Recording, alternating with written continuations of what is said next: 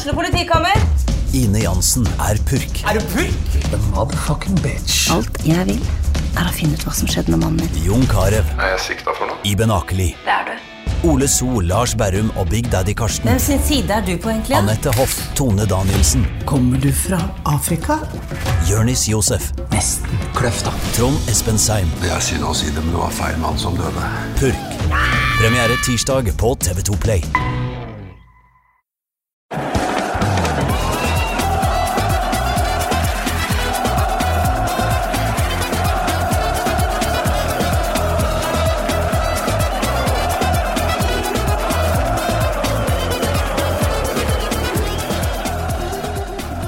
Velkommen til en ny episode av Pyro og Pivo. I dag hadde jeg store, store planer. Jeg skulle nemlig samle en Galatasaray-fan og en Fenerbahçe-fan i studio, og rett og slett lene meg tilbake og nyte showet. Eh, men eh, jeg er jo Fenerbahçe-fan selv, og jeg vet jo veldig godt at Galatasaray-fans de eh, får gjerne halen mellom beina og stikker av. Så Galatasaray-mannen måtte dessverre melde avbud pga. Av sykdom, er, det er i hvert fall den offisielle forklaringa fra han. Eh, Den eneste som da dukket opp, var jo Fenerbahçe-supporter eh, og bankmann Eren Yaldez. Velkommen. Takk skal du ha. Vi eh, har jo kjent hverandre noen år nå, og det er kun pga. én ting. Og det er Fenerbahçe. Det er Fenerbahçe. Det var jo da jeg var i Sivas, et godt stykke øst i Tyrkia. Og så Fenerbahçe bli seriemestere i den beryktede, vi skal komme tilbake til det, 2011-sesongen. Ja. Eh, Så var du på en pub i Oslo og møtte mine Kanarivenner. Det stemmer. Og skjønte vel ikke bæra hvorfor alle disse potetene var på en eh, tyrkisk pub for å se tyrkisk seriefinale. Det stemmer. Eh, og siden det så har vi gjort en god del uh, sammen. Vi har uh, screena Lillestrøm Galatasaray på storskjerm på Åråsen. Det har vi. Gikk ikke så bra. Nei. Uh, ulovlig stream på, på et laken uh, med prosjektor. Det, det kunne gått bedre. Men uh, Eren, litt om deg. Du er uh, av tyrkisk opprinnelse, naturligvis. Stemmer. Uh, det som er morsomt, Morten, er at jeg er faktisk født i Sivas. Nei, du verden. Ja, det tror jeg ikke du visste om fra før av. Men da skal jeg komme med en ting du ikke vet om meg og Sivas. Ok. Eh, jeg vet ikke om han sitter fortsatt, men han som var borgermester i 2011, Ok, har jeg møtt. ok, Han, kult. han kom kult. og hilste på oss, eh, uvisst hvorfor, mens vi satt og spiste Sivas køftesi Ok, uh, før ikke matchen. sant, ikke sant. Nei, altså, folk er jo vennlige, ikke sant. Folk gjerne slår ned prat og, og vil gjerne hilse på ja, turister eller ukjente eller nye. Uh, som sagt, jeg er født i Sivas, og så har familien flyttet til eh, vestkysten når jeg var eh, seks måneder gammel. Så jeg har eh, Etter det så har jeg aldri selv vært i Sivas, faktisk, men uh, på papiret så er jeg født i Sivas. Uh, altså Fenerbahçe-kjærligheten begynte ganske tidlig. Jeg var uh, Jeg husker de, de første kampene jeg så på, var på TV. Jeg var syv-åtte år gammel. Moren min er uh, Blue-fan. Faren min er også Blue-fan, selvfølgelig. Men eh, jeg kan ikke huske at de tvang meg, eller de på en måte hadde stor innflytelse for at jeg skulle bli uh, Fenerbahçe-fan. Eh, For min eh, erfaring, og det er kanskje litt overraskende for flere, det er at eh, selv om din far er blodfan, så er det ikke nødvendigvis sånn at din mor er blodfan. Kunne like gjerne vært av Besiktas, f.eks. Mm. Og selv to Fenerbahçe-foreldre kan jo få et Galatasaray-barn. Ja, ja, det er, det er litt pinlig, men det skjer faktisk. Og apropos det du sier, min kone har lenge vært Galatasaray-fan.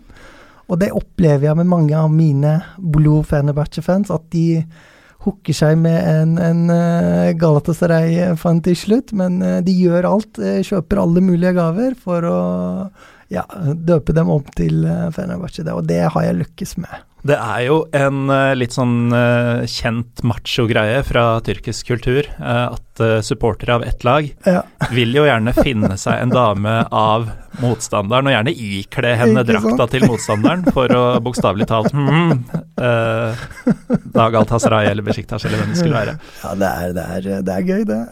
Men uh, altså de største lagene i Tyrkia, det er jo selvfølgelig Fenerbahçe, Galatasaray, og så er det Besjiktas og Trabzonspor som på en måte kommer litt utenom, men som er det desidert største utenfor uh, Istanbul. Stemmer. Og jeg vet ikke hvordan det er med deg, men jeg, for meg så har de tre gått på rundgang i å være det mest foraktede laget. Uh, jeg ble jo opplært til at Galatasaray var det verste, og det er jo det vanlige. Mm. Uh, men så havna de litt ned på tabellen noen år, og så var Besjiktas uh, sånn helt ufordragelig en periode. Ja. Uh, og, og, jeg hata dem mer enn alle andre i noen år. Mm. Og så kom jo disse Wesley Snyder-årene, holdt jeg på å si, eller Felipe Mm. Melo-årene. Ja, ja, I 2012, da de vant ligaen i Kadekøy. Ja. Da var jeg på kampen. Nettopp. det kan jeg forresten ta. Jeg har vært på tre serieavgjørende matcher i Tyrkia. Kult. Uh, den første var i 2010. Ja. Da ble det uavgjort. Uh, den står det om i Dagbladet, forresten, på nett. Okay. Hvis dere googler 'Morten25 fanget i kaoset', Ja, ja, så kan dere lese saken om da Spiker sa feil. og vi trodde vi hadde vunnet Mm, på hjemmebane. Stemmer det.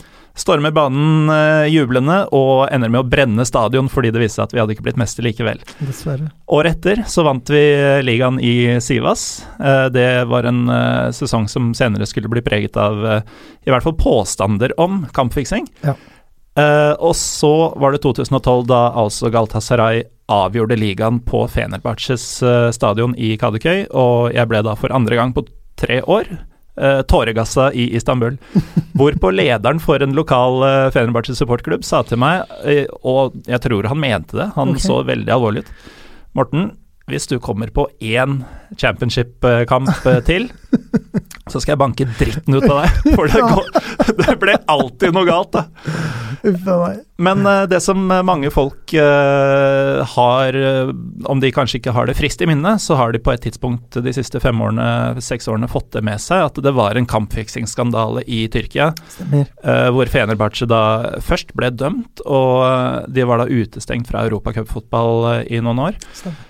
Eh, den har utvikla seg litt, men eh, kan ikke du fortelle litt om hva, hva var det som altså, hva var det de sa skjedde? Ja, Eh, ja. Hva var skandalen? Eh, Den skandalen begynte egentlig i Tyskland, et par år tilbake. Det var Jeg lurer på om det var Frankfurt, eller det var noen av de mindre lagene der, som på en måte hadde hatt store transaksjoner på en del bettingklubb, som på en måte vekket først oppsikt, og så utviklet det seg. Eh, Det var noen tyrkiske miljøer i Tyskland som ble koblet til til de anklagelsene. Eh, Etter hvert så, så kom eh, ryktene, la oss si, til, til Tyrkia. Uh, og det året, altså 2011-året, så, så hadde vi uh, Vi startet ganske dårlig, egentlig, første, første halve delen. Eh, men avsluttet med 17 strake seire. Det var så deilige Det var helt eh, sinnssykt. Men det var jo noen av de som var suspekte. Jeg husker Bujaspor borte, lå under 3-0, Mm. ender med å vinne 5-3. Mm. Det er jo som bare Manchester United gjorde, og der har det jo aldri vært korrupsjon, eh, sies det. Eh, vi har faktisk eh, gjort eh, sånne snukamper mot Galatasaray og andre, andre lag. Eh, så akkurat den kampen eh, Altså, noen av de målene kan eh, se suspekte ut, men eh, når du er der, og når du ser hvordan laget kjemper Altså, En ting er å være i stadion og, og se hvordan faktisk alle jobber på banen. Eh, kontra du, hva du ser, eh, hva det blir tatt opp på, på TV-skjerm. Eh, så det er faktisk stor forskjell. Og laget har, eh, hadde blitt eh, sammensveist på en, på en måte som eh, aldri hadde vært før. Eh, vi hadde Aikot eh, Kojaman. Eh, han er eh, en legendarisk spiller for Fenerbahçe, og, og han er fortsatt en av de mest respektede trenerne, vil jeg påstå. Og det betyr vel eh, mer eller mindre Etternavnet hans betyr jo nesten stormann. Ja, sånn, gjør det. Det gjør Det det. er veldig passende. Og han har en fantastisk filosofi også som, som gikk eh, på den tiden over spillerne. Som gjorde at uh, laget spilte som aldri uh, før.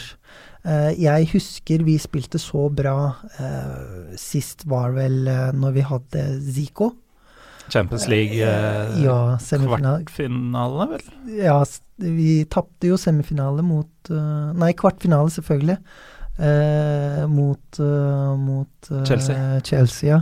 Vi vant uh, det var, Jeg var på 2-1-kampen på hjemmebane, men vi klarte bare ikke skåre flere. Og, og på bortebanen så var vi akkurat ikke god nok til å få et mål, men vi tapte bare 1-0, ikke sant, og det var så surt. og ja, jeg tenker kanskje en av de verste avgjørelsene til, eh, til eh, store presidenten av Yildirim var at uh, han ville skille veier med, med, med etter den, den En av de beste sesongene, selv om vi endte med å, å ha andreplass på, på Superliga og, og kvartfinale på Champions League. Men tilbake til uh, kampfiksing-skandalen, eller Shike, som eh, de kaller det i eh, Tyrkia. Stemmer. Så var det da en vår 2011-sesongen med var det 17 strake seire du sa i ligaen? Stemmer. stemmer. Noen uh, veldig uh, dramatiske, og det var et Fenerbahçe som, som du sier, de spilte helt fantastisk fotball. Det minna meg om sånn tidlig Mourinho-fotball, da, Ja. da vi først så han i Porto, hvor du så at spillerne bare De så ut til å aldri gå tom for energi. Mm, De, mm. de jobba i alle retninger Helt hele fantastisk. tiden. Ordentlig sånn derre tidlig overgegenpress, eh, nærmest. Det var ikke ro for motstanderen noe sted. Eh, men så kom jo sommeren, eh, juli 2011. Vi har fortsatt gullet friskt i minne, og så rulles det da ut påstander, og Ja. folk fengsles. Eh, folk fengsles, det rulles påstander, og måten det ble gjort på, var allerede tegn på eh, ekte Fenerbahçe-fans at dette var på en måte eh, noe som de hadde gått og planlagt lenge. Og, og det handlet mye mer om, om eh, kampfiksing. Eh, det hadde blitt gjort en del eh, lydopptak eh, blant annet som kunne tyde på en del sånn, eh, sånn kodet språk eh, i forhold til noen kamp. Eh, men alle de påstandene ble i utgangspunktet eh, forklart i, retten. Eh, men retten har på en måte aldri bli på en måte betrodd, fordi det var sånne spesielle em, domstoler som ble senere avsluttet. Eh, det ble avviklet, rett og slett. Eh, men det hele startet med, med tyrkiske fotballassosiasjonen, eh, som da den gangen hadde faktisk en Fenerbahçe-fan som var president. Eh, Mehmed Ali Aydınlar. Eh, han hadde gått ut og sagt eh, en del eh, Hva skal man si En del falske eh, eller eh, eh, Det var opplysninger som han hadde ikke kontrollert, på en måte om de stemte eller ei.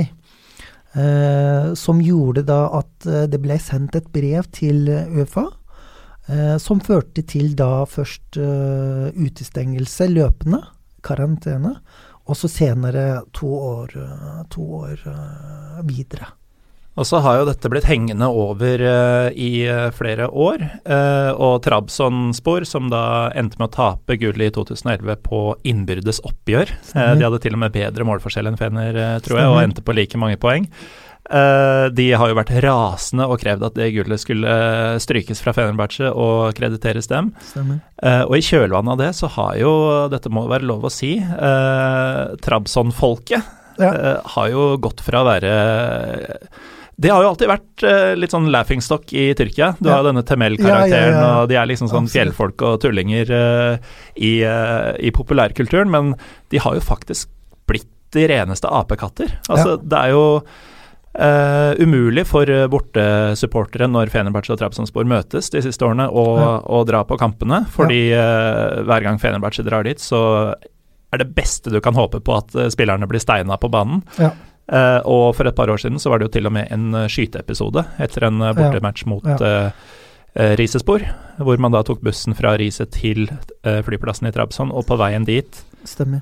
så var det en uh, antatt Trabzon-supporter som kjører opp på siden av bussen og faktisk åpner ild Ja.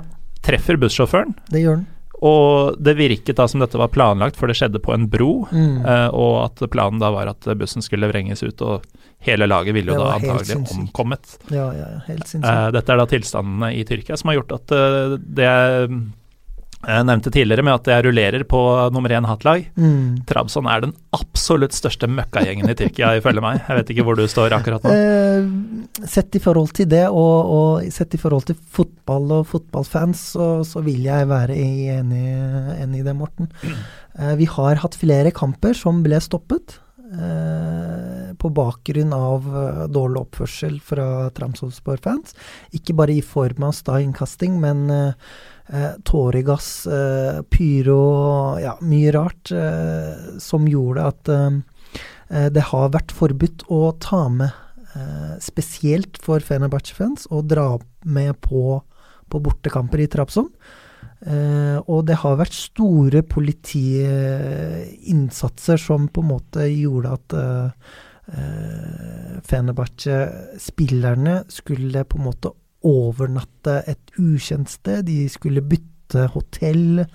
Eh, eller i hvert fall på papiret, sånn at ingen skulle kunne spore eh, hvor de skulle overnatte. Og, og det har vært et også kjent fenomen. Når det er sånne store kamper, så uh, hjemmesupporterne møter hos, eh, hos eh, bortespillernes hotell og lager bråk hele natten. Holder dem våkne, rett og slett. sant. Ikke sant. Og det er et kjent fenomen som vi, som vi faktisk aksepterer i Tyrkia, men når de går utover det og, og, og, og trekker pistol og skyter direkte på, på sjåføren for å Ja, for i akkurat dette tilfellet så gjør man jo disse trekkene ikke for å unngå litt sånn eh, bråk og tull utenfor, men Mm. det er faktisk reelle sikkerhetshensyn. Ja, ja. Det er jo som om eh, presidenten av USA skulle, skulle besøkt. Ikke sant.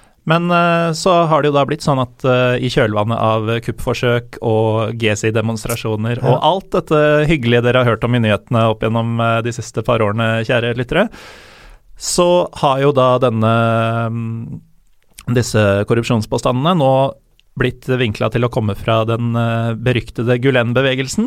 Ja. Og følgelig er Fenerbahçe vel nå frikjent, mer eller mindre. Og de som i sin tid eh, satte fram påstandene, og aktorer og alt sånt, det er vel de som nå skal fengsles. Og Alle sammen er eh, enten fengslet eller eh, beordret fengslet.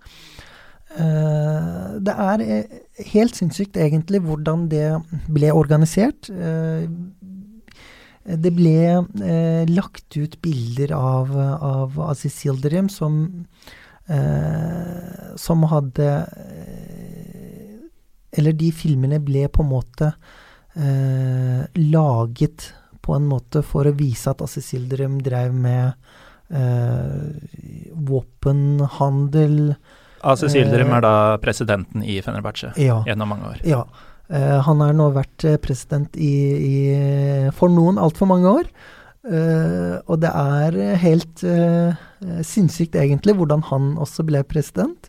Uh, han vant over eh, en som heter Vefa Kuchuk, eh, som er nå i dag eh, en av de eh, eh, En av de høyeste sittende eh, ja, eh, i, i Fenerbahçe. Han vant over han med én stemme. Det er jo ikke suspekt i det hele tatt, når veldig stor del av det tyrkiske samfunnet anser Asis Yildirim som en mafiaboss. Eh, på den tid så var ikke Aziz Yildirim så kjent. Eh, I senere årene så Aziz Yildirim har drevet med eiendomsutvikling i, i mange, mange år. Eh, han har hatt gode kontakter i Nato, faktisk. Han har hatt flere kontrakter og gode inntekter gjennom Nato i, ja, eh, 10-20 år i Tyrkia. Og det sies at Gulen-bevegelsen ønsket å få sin del av av den, den potten, eh, og kommet med en del press mot han som han skal ha på en måte stått imot. Eh, og i ettertid så ønsket eh, Det sies at Gulen-bevegelsen ønsket eh, fullstendig kontroll over Fenerbahçe, Og, og grunnen til det er jo Det er egentlig ikke overraskende, fordi at uh, Fenerbahçe-fans er jo en tredjedel av hele befolkningen i Tyrkia. Og det er noe som det høres ut som vi bare finner på, men det er jo sant? Det er helt sant. Altså det, det er 25 millioner Fenerbahçe-fans i Tyrkia. Uh, det er um, Altså, historien til Fenerbahçe i Tyrkia er egentlig mye lenger og mye dypere enn en hva de andre store Istanbul-lagene er. Uh, Fenerbahçe er det f.eks. eneste laget som, uh, som har i sin uh, styringsmetode akseptert Atatürk sin endringer og hvordan styring burde ha vært. Vi er det eneste laget som er besøkt av Atatürk i sin tid. Han har signert i minneboka til Fenerbahçe, og det, det, er vi kjempestolte av. Eh, og når man vurderer den type hensyn, så Gulen-bevegelsen har litt annen tilnærming da, i forhold til Atatürk og, og, og hvordan, uh, hvordan, utviklingen Eh, de ønsket å, å, gjennomføre i Tyrkia. Da. For de som ikke kjenner til dette navnet vi slenger ut hele tiden, Gulen og Gulen-bevegelsen, så er dette da en ja, islamsk lærd som uh, veldig gjerne skulle hatt et Vi kan ta Atatürk først, landsfaderen som bestemte at dette skulle være en sekulær stat. Gulen ønsker da en langt sterkere statsreligion, ja. og ja, i det hele tatt et mer religiøst samfunn. Og det er jo da to ting som krasjer veldig, og Fenerbahçes eksistens har jo da i lang tid provosert Gulen og Gulen-bevegelsen. Men uh, vi kan jo ta, siden vi har vært innom uh, nåværende president Asis Gildrem og hans mulige våpenhandel, mm. så kan vi jo gå litt historisk til verks og se på Fenerbahçe, fordi de er jo veldig stolte av sin rolle under frigjøringskrigen, ja, når vi først er inne på våpen. Hva skjedde? Uh, det som skjedde, var at um, Fenerbahçe offisielt ble stiftet i 1907. Men, uh, men, de som kalles for de med svarte sokker, eller gutta med svarte sokker, de eh, begynte å spille fotball helt tilbake til 19, 1899. og den tiden så, så, var det en liten gjeng som eh, også fredelig gjeng, da, ikke voldelig gjeng. Det var en gruppe gutter som eh, spilte fotball. De elsket å spille fotball. Eh, og etter hvert så begynte de Ettersom ottomanske imperiet eh, begynte eh, miste kontroll over Istanbul og, og, og, Begynte å smuldre? Ja, rett og slett. Eh, så ble disse guttene med svarte sokker en motivasjon for befolkningen i Istanbul. Eh, de spilte et sted som het den gangen Papazenchayere. Eh, det betyr, vi kan oversette det på norsk, eh, prestens eh, hage, på en måte. De spilte rett og slett Altså, det var ikke noe baneforhold i forhold til det vi kan se for oss, eller det vi forventer i dag. Det var rett og slett mugg og og, og du blei skikkelig møkkete av å spille kanskje to minutter. Eh, men disse guttene, de arrangerte kamp eh, f.eks. mot eh, disse mm, innovasjonsgruppene, eh, soldatene. Eh, og hver gang de vant, så ble det motivasjon for, eh, for befolkningen. og dette er egentlig noe vi er veldig stolt av, men det ble, fremmer, det ble fremmet altfor lite grad, syns jeg. Uh, I senere årene så, uh, så, så får laget da dagens lag, dagens navn, og offisielt stiftelsen blir da 1907. og historien etter det er også um, egentlig helt formidabelt. for i dag så har vi stjerner over eh, logoene på, på fotballagene. Én, to, tre, gjerne fire. Eh, og de representerer for hvor eh, mange fem championship trophies du har i landet. Ja, og i, eh, det er litt, varierer litt fra land til land hvor mange du må ha for å få én stjerne. I Tyrkia så er det fem. Stemmer. Eh, dessverre for oss så ble jo Galatasaray den første til å få fire. Ja, men, men problemet der, skjønner du, er at eh, Hvis man tenker eh, altså fra 1907 eh, og, og de, allerede de tidlige årene i 1920-1925-årene, så var det etablert et fotballiga i Tyrkia. Men på de årene så dominerte Fenerbahçe noe helt vanvittig. Eh, de spilte så bra. De har hatt mange sesonger uten tap. Eh, og som gjorde at eh, hvis man hadde tatt alle årene i moderne demokratiet i Tyrkia, fra og med stiftelsen av tyrkiske, eller tyrkiske republikk, så, 1923. 1923, så hadde vi hatt langt flere stjerner enn en, noe annet lag i Tyrkia, men dessverre så teller det kun fra med 1955. Den eh, eh, såkalt profesjonelle ligaen. Ja, den- Stemmer. Stemmer. Men uh, Fenerbahçe har jo eh, en eh, voldsom historie.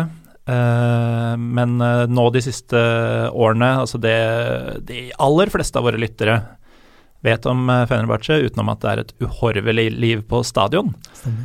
Det er jo at det kommer en del mer eller mindre avdanka stjernespillere dit og hever eh, høye lønninger. Ja. Eh, hvordan vil du si laget Fenerbahçe stiller denne sesongen eh, ser ut? Hvem vil du trekke fram av enkeltspillere? Ehm, altså, tyrkisk fotball er eh, fortsatt under utvikling, eh, og, og det må eh, fortsatt gjøres noe med Eller det må stimuleres hele tiden for å få folkets oppmerksomhet. Eh, og fotball er blitt en kjempestor industri, og inntektene har økt vanvittig. Særlig de, de Istanbul-lagene har enormt tilgang til eh, kilder, pengekilder. Eh, som gjør da at de kan hente inn store, virkelig store spillere. Blant annet van Persie i år. Eh, eller Mosa Sov, eh, eller eh, Ja, det er så deilig å ha Mosa Sov tilbake. Han er helt vanvittig. Det er jo brasser hele tiden. Han brasser hele tiden, uansett uh, hvem han spiller mot, og uansett hvor på banen han er. Og uansett hvor gammel han blir. Ja, ikke sant? Uh, vi har Så, så det jeg uh, hadde tenkt å si, var at eh, de som kommer til Fenerbahçe av disse store, virkelig store stjernene eh, Det begynte med mange, mange år siden med en kjent eh, ansikt eh, eh, Kenneth Andersson. Ja, Som det er, kjente eh, ansiktet. Eh, og senere årene så kom Pierre van Hooydonk, for eksempel. Eh, Ja, den, Nicola eh, Jeg hadde en eh, tweet som jeg var veldig fornøyd med under hjemmekampen mot Manchester United nå i høst. Okay. hvor uh, Jeremiah Lenz, som kom fra Sunderland før denne sesongen, han tok sånn van Hooydonk-tilløp, sånn helt rettvinkla løp okay. Nesten, og bare blåste ballen om det var rett i muren eller langt opp på tribunen, det vet jeg ikke. Okay. Da skrev jeg på Twitter ikke akkurat van Hooydonk. Ikke sant. Og seinere i matchen så scora han jo på et helt likt frispark. Okay. Så jeg måtte svelge de orda, og det gjorde jeg med glede. Men uh, hvem syns du har stått fram på banen denne sesongen? Uh, denne sesongen så har det vært uh, litt varierende, egentlig. Vi ser statistisk sett så har van Persie vært med å, å skape en del mål, og han har skåret en del mål. Eh, men eh, sett i alt i alt så har ikke han vært den store stjernen. Eh, Mosa har jo bare spilt en halv sesong nå. Han har allerede gjort Eller reddet en del kamp, blant annet hjemmekampen mot Manchester med fantastisk brass igjen. igjen. Og fra, fra 18 meter. Det er nesten 18 meter. Hvis dere ikke har sett det mot formodning, så må dere google Mosa Sow Manchester United. Ja. Det er, eh, det er helt vanvittig det han gjør. Og mannen er jo, eh, hva er det, 31? 32? Han han er faktisk ikke så gammel, men uh, han er veldig atletisk. og ja, helt i det hele tatt. Og han uh, spilte jo for Fenerbahçe også for noen år siden, så ble han solgt til eh, en klubb i Qatar eller Emiratene et sted, og kom da tilbake. Og jeg husker da han kom fra Lill. Eh, det var jo en ganske vanvittig overgang for uh, Fenerbahçe, for han var vel regjerende toppskårer i ligaen, tror jeg. Stemmer. Og ønsket av Arsenal og litt forskjellig, så kom han til Fenerbahçe. Og mye av grunnen, sa han, var at uh, han uh, er praktiserende muslim, Stemmer. og han tenkte at dette ville være en, uh, et riktig sted å kunne praktisere på, og samtidig spille fotball. Jeg var faktisk på debuten hans, da han uh, på overtid skåra 2-0-målet i en veldig tett kamp mot uh, Besjiktas. Kult. utrolig fet opplevelse, men han kommer jo da tilbake, og han ser jo nesten bedre ut nå enn for han fire år siden. Han gjør det, han har fått mye mer erfaring. og fotball er um, du kan være teknisk veldig god, men den erfaringen eh, du opparbeider deg gjennom årene, det er uh, nesten uerstattelig. Uh, og tilbake til de store spillerne i, i Fenerbahçe. Altså Fenerbahçe har hatt um, uh, mål om å innhente de toppskårerne hele tiden. og det begynte med mange år siden med, med Um, Dalian Atkinson? Ja, ikke sant. Av alle. Uh, og han er faktisk en av de uh, en av de få som alle husker fortsatt. Uh, det har vært et ordtak. Dan, dan, dan Atkinson. dan, dan, dan står for da at um, han har hatt flere um, hat tricker. og, og tre dan er for hat tricker. Eh, ellers så har vi jo hatt eh, eh, det fenomenale Alex uh, de Sousa. Uh, Mannen som faktisk har fått statue utenfor stadion. Stemmer. Uh, og det har kanskje blitt en av de grunnene til at han, han måtte ja, slutte sin Fenerbahçe-karriere mye tidligere enn forventet og ønsket for, for, mange. Ja, Det kom som et sjokk for mange. Hva, hvorfor det? Eh, han havnet eh, i konflikt med Aikot Kojaman. Eh, det er mye som ble sagt, men eh, vi vet eh, så lite om hva faktisk stemmer og ikke stemmer. Fordi Alex har eh, et fantastisk personlighet. Han nektet å snakke om Eh, de, de, de smådetaljene som kunne kanskje renvasket han eller renvasket Aykut. Eh, men han unnlatet det bevisst for å ikke ødelegge uh, Fenerbahçe. og det står vi med respekt av. og, han, og det viser at hvorfor han har fått den respekten han har fått gjennom årene. Han er uh, noe helt vanvittig statistikker. Uh, han er uh, den mest skårede utenlandske spilleren for Fenerbahçe. Han har hatt Han er den som har hatt flest assister. han er en av de få som har hatt hvis jeg ikke husker helt feil, så har han bare ett rødt kort i hele sin Fenerbahçe-karriere, og det kortet var helt uh, feil. uh, Men uh, Alex uh, er jo litt sånn Tyrkisk fotball er jo kjent for å hente spillere som har sett bedre dager, men som fortsatt selger drakter, på en måte. Altså, Dirk Coit kom jo til Fenerbahçe som Og ble ansett som en sånn spiller, men han var jo en stor suksess, og det har flere vært. Roberto Carlos det samme, men Alex han var jo faktisk han var jo et ordentlig ordentlig sånn supertalent rundt årtusenskiftet, og kom til Fenerbahçe mer eller mindre i sin beste alder. Stemmer. Og i stedet for å bare komme dit for pengene, eller hva det var, så, så ble han der mer eller mindre ut karrieren. Han ville Stemmer. vel blitt der ut karrieren. Stemmer. Stemmer. Så ordentlig, ordentlig god mik... Eller uh, symbiose ja, mellom Fenerbahçe og Istanbul og Tyrkia og Alex de Sosa. Uh, fantastisk uh, historie som, uh, som, dere gjerne må finne ut mer om på internett. Utrolig spiller og en av de største jeg har hatt gleden av å se live også. Mm. Og Derfor var det jo veldig vanskelig situasjon for eh, Fenerbahçe-fans når da kanskje forrige generasjons største Aykut Kujaman Stemmer. og denne generasjons største Stemmer. Alex eh, krasja sammen, og det har jo ført til, dessverre, at en del yngre Fenerbahçe-fans som ikke så Aykut spille, eh, har lagt han litt for hat. Det er helt sant. Det er helt sant. Eh, også når Alex kom til Tyrkia, så kom han faktisk som lagkaptein fra Brasil.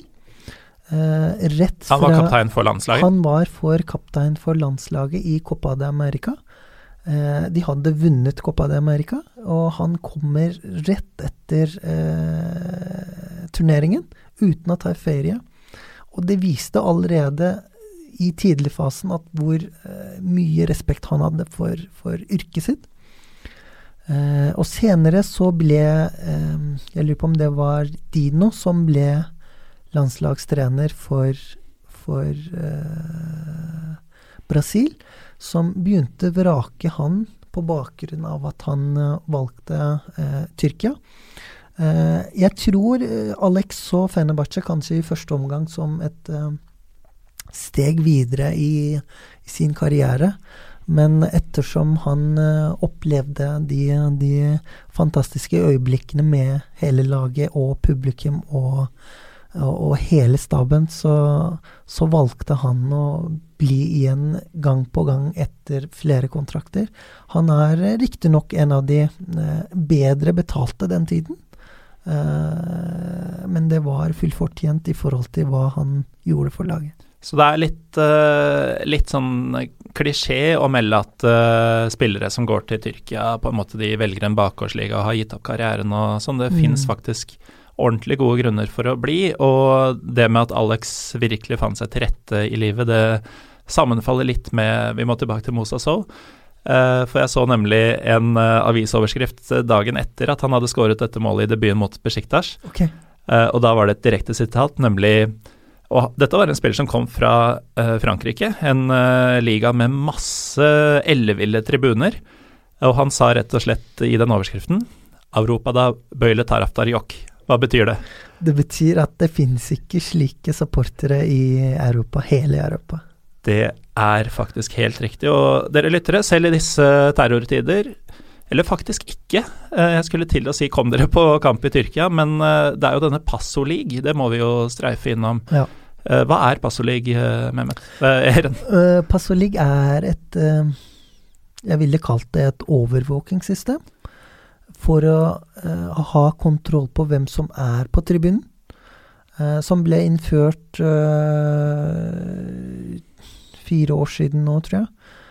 Eh, som har eh, vært et eh, tapsprosjekt for egentlig hele tyrkiske eh, fotballen. Jeg leste et sted at eh, tilskuersnittet nå er eh, på under 8000. Det, er, det har aldri vært så lavt. For to år siden så har, har Fenerbahçe solgt 37 000 Eh, sesongkort, sesongkort eh, som er det desidert høyeste antallet i Tyrkia noensinne. Uh, Fenerbahçe spiller kampene på Shukru Saracolo stadium, som uh, kan romme 55 000. Uh, Eller ifølge Magnus Borgen, uh, som har vært gjest her tidligere og har vært på Fenerbahçe Galatasaray, nærmere 90. Men, men det selger noen og 50 000 billetter offisielt. Ikke sant. Og og hva de kan skape på, på, på en Fenerbahçe Galatasaray-kamp i form av lyd, er usammenlignbar med, med, antall mennesker. Som uh, Mosa Sow uh, også ville sagt. Men dette Passolig har jo da gjort at uh, pga. detaljene av personinformasjon du må Stemmer. levere inn for å kunne kjøpe billetter Stemmer. til kampene, Stemmer så har jo da folk vegret seg for det i utgangspunktet. Og de som vanligvis alltid drar på kamp, de har jo organisert masse boikotter. Som gjør at du kan nå se en ordentlig, ordentlig storklubb som Fenerbahçe eller Galatasaray spille for et ordentlig glissent eh, og moderne og flott stadion. Og det er ordentlig trist å se på, og det har jo selvfølgelig da også gått utover tribunelivet. Så eh, tar vi uh, samfunnsutviklinga i Tyrkia og ganger det med terrorangrepene de siste årene, ja. og eh, også legger inn dette med at eh, publikumslivet ikke er i nærheten av hva det var, så er det kanskje greit å la Tyrkia-reisen, av fotballmessige årsaker i hvert fall, ligge i noen år, og så får vi håpe på bedring. Uh, vi må nesten runde av, uh, Eren, men uh, først så vil jeg gjerne be deg om å komme med ditt beste Fenerbahçe-minne. Det er selvfølgelig Alte Kasum Ikibin Oniki, vil si 6. november 2002. Uh, det er den uforglemmelige kampen mot Galatasaray. Ja, hva ble det? 0-0 eller noe sånt? Det ble hele 6-0. det var helt uh, sinnssykt. Det var, um, det var, det året før jeg kom til Norge. Uh, det året hadde jeg uh, sesongkort også selv. jeg gikk på universitetet. Vi var en stor gruppe fra, fra um, skolen som dro på alle hjemmekamper og nære bortekamper. men vi hadde aldri sett maken til en kamp som det. Vi fullførte kampen med ti mann, faktisk. Eh, det er Han slår Galatasaray 6-0 med ti mann, ikke det, noe problem. Det var helt sinnssykt. Altså, det var etter 2-0 ble, ble, det mm, et rødt kort til uh, det fantastiske Ariel Ortega. Ja, han har også spilt for Fenerbahçe. Han har også spilt for Fenerbahçe. Uh, og etter at han fikk rødt kort, så samlet hele laget seg på en helt annen måte igjen. og og klarte å, å, å vinne 6-0 mot Fatih Terem sin Galtasaray. Denne 6-0-seieren, den er jo noe man Nå stramma Eren akkurat alle musklene i kroppen da han tydeligvis gjenopplevde matchen i hodet.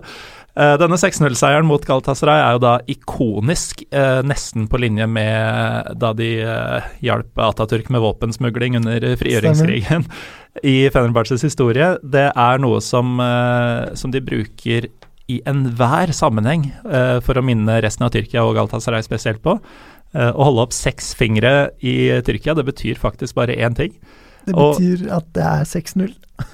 Og i den sammenheng så kan vi avslutte med at uh, sist uh, Fenerbahçe og Galatasaray møtes, så finnes det et bilde av at uh, lagene står med hver sin sånn ballgutt, eller hva vi skal kalle det, maskot, ja. uh, ikledd andre lagets stemmer, drakter. Alle stemmer. spillerne står og holder i en sånn. Og han ene i uh, Fenerbahçe-drakt som står foran Galatasaray-spiller, han holder opp seks fingre mot kamera da det sveiper over. Det helt nydelig. Helt, helt sinnssykt. Takk, Erin Eren Hjaldiz, for at du kunne komme. Synd at vi ikke fikk noen Galtas Raumann til å motdebattere oss, men da fikk vi i hvert fall prata masse Fenerbahçe, og det har jeg drømt om å gjøre siden jeg starta denne podden. Takk for at jeg fikk være med, Morten. Det var uh, stor glede. Så prøver vi igjen med flere tilhengere av andre lag eh, senere. Til dere lyttere, Gørre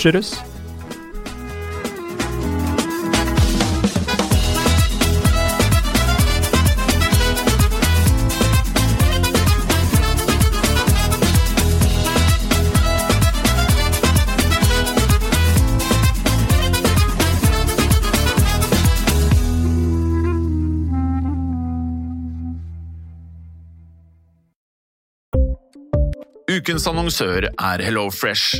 HelloFresh er verdens ledende matkasseleverandør og kan være redningen i en travel hverdag. Mange av oss har nok vandret i butikken både sultne og uten en plan for middagen, som ender med at vi går for de samme kjedelige rettene gang på gang. Middag burde være dagens høydepunkt. Som HelloFresh kan du nå velge mellom 25 ulike retter hver eneste uke, eller få HelloFresh til å sette sammen menyen for deg. Dette gir deg muligheten til å prøve nye og spennende retter alene eller sammen med familien. Du velger antall porsjoner og får alt levert på døren på et tidspunkt som passer for deg. Oppskriftene er enkle, og maten er lett å lage både for store og for små. Ved å få alt levert hjem får du også mer tid til å dele matgleden med familie og venner. Kanskje det frister med asiatiske tacos eller greskinspirert kylling? Da kan jeg anbefale deg om å gå inn på hellofresh.no.